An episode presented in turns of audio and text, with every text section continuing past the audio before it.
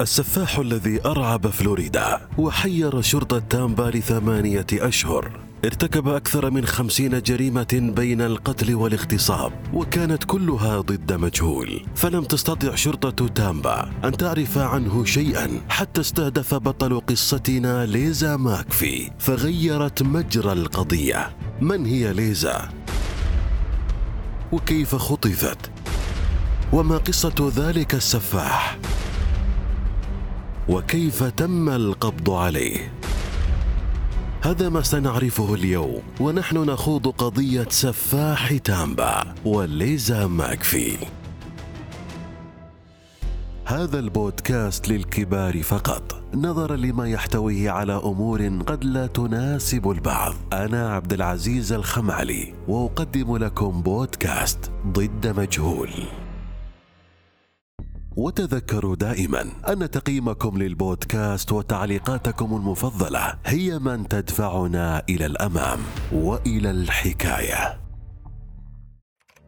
التاريخ 1948 التوقيت الواحدة بعد منتصف الليل. المكان تامبا في فلوريدا. أنهت ليزا ذات السبعة عشر عاما. عملها متأخرا في أحد المطاعم بولاية فلوريدا. وقادت دراجتها الهوائية عائدة إلى منزل جدتها حيث تقيم كانت الساعة تجاوزت الواحدة بعد منتصف الليل. في الحقيقة لم تكن ليزا مستعجلة بالعودة فحياتها مع جدتها لم تكن سعيدة حيث أنها كانت تتعرض للتنمر والاعتداء والتحرش من قبل صديق جدتها موريس. وسط تجاهل جدتها وبينما كانت تقود دراجتها ببطء في الشارع لاحظت ليزا سيارة متوقفة إلى جانب الطريق. في البداية لم تلقي بالا كثيرا لها لكن يا ليتها انتبهت.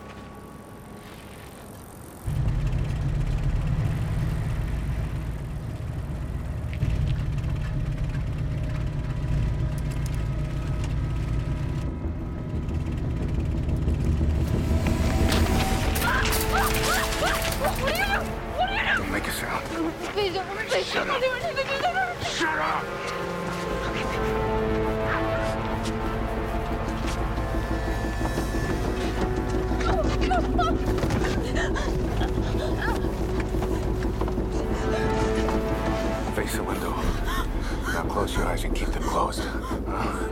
You look at me and you're dead.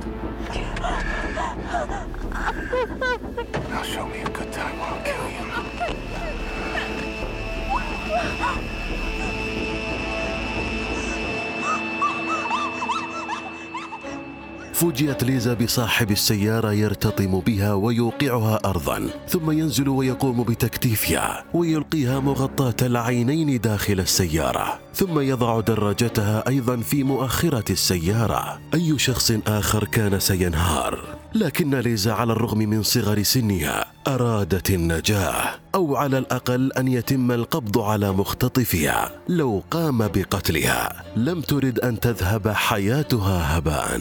التزمت ليزا الصمت تماما ولكنها حاولت قدر ما استطاعت الرؤية من خلال عصابة عينيها. واستطاعت التقاط لون مراتب السيارة ونوعها من الداخل.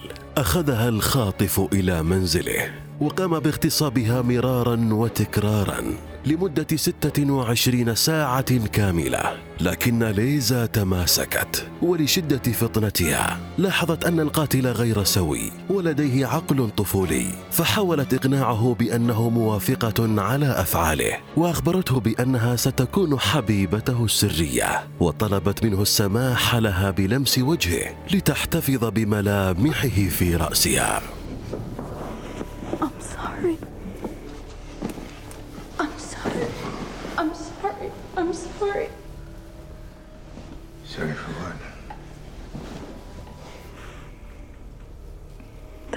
Haven't been very nice to you.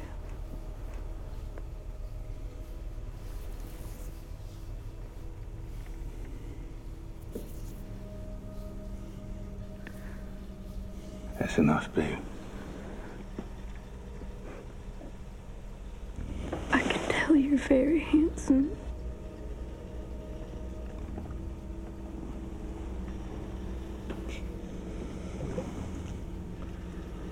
عندما سمح لها بدخول دورة المياه نشرت ليزا بصماتها في كل أرجاء دورة المياه وحين خرجت ألقت دبوس شعرها أسفل السرير. وحين تعب الخاطف أخيرا ونام قامت برفع العصابة عن عينيها قليلا. فرأت تفاصيل المنزل وشكل الخاطف. كانت خطتها كما ذكرت أن يتم القبض على الجاني بعد أن أيقنت أنه سيقتلها. فتحمي فتيات أخريات من هذا المصير.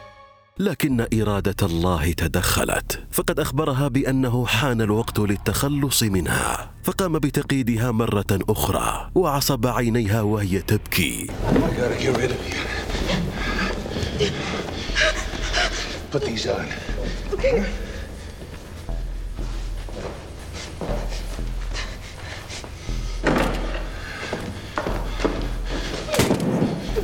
What are you doing?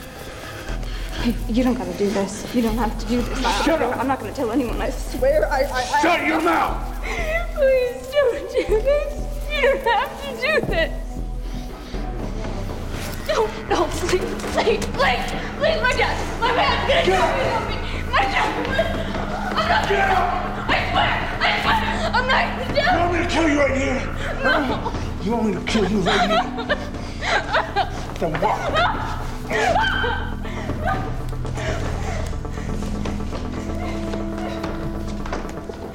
صاحبها بالسيارة إلى منطقة كثيفة الأشجار وفي الطريق قامت ليزا بتصرف ذكي آخر حيث عضت إصبعها الصغير وتركت قطرات من دمائها تنزل أسفل كرسي السيارة وعندما وصلوا أنزلها وأجلسها على الأرض قرب شجرة كبيرة ثم وضع المسدس على رأسها ليقتلها.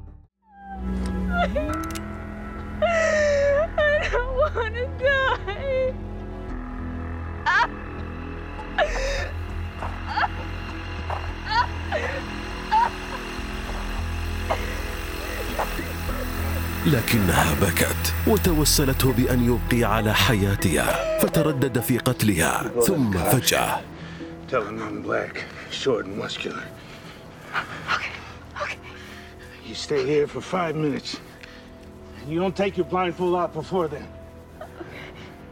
قرر إطلاق سراحها وبالفعل ترك الخاطف ليزا بأحد المنتزهات.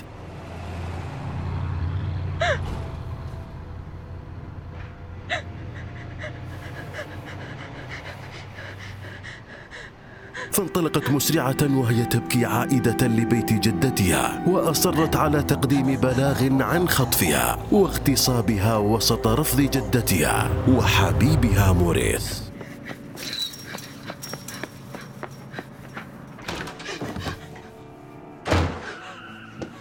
Where the hell have you been? You been out with a boy? I was kidnapped. Bullshit. I'm telling the truth. Liar! It's the truth. It's the truth. Morris, stop. Stop. Stop. She's a stop. liar. Stop. Stop. Stop. Stop. Here.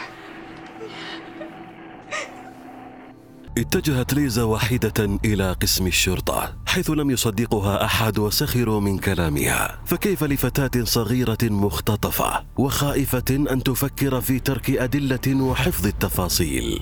ظنوا أنها مراهقة تبحث عن الشهرة فانهارت ليزا كمدا وحزنا. Just tell us the truth. I was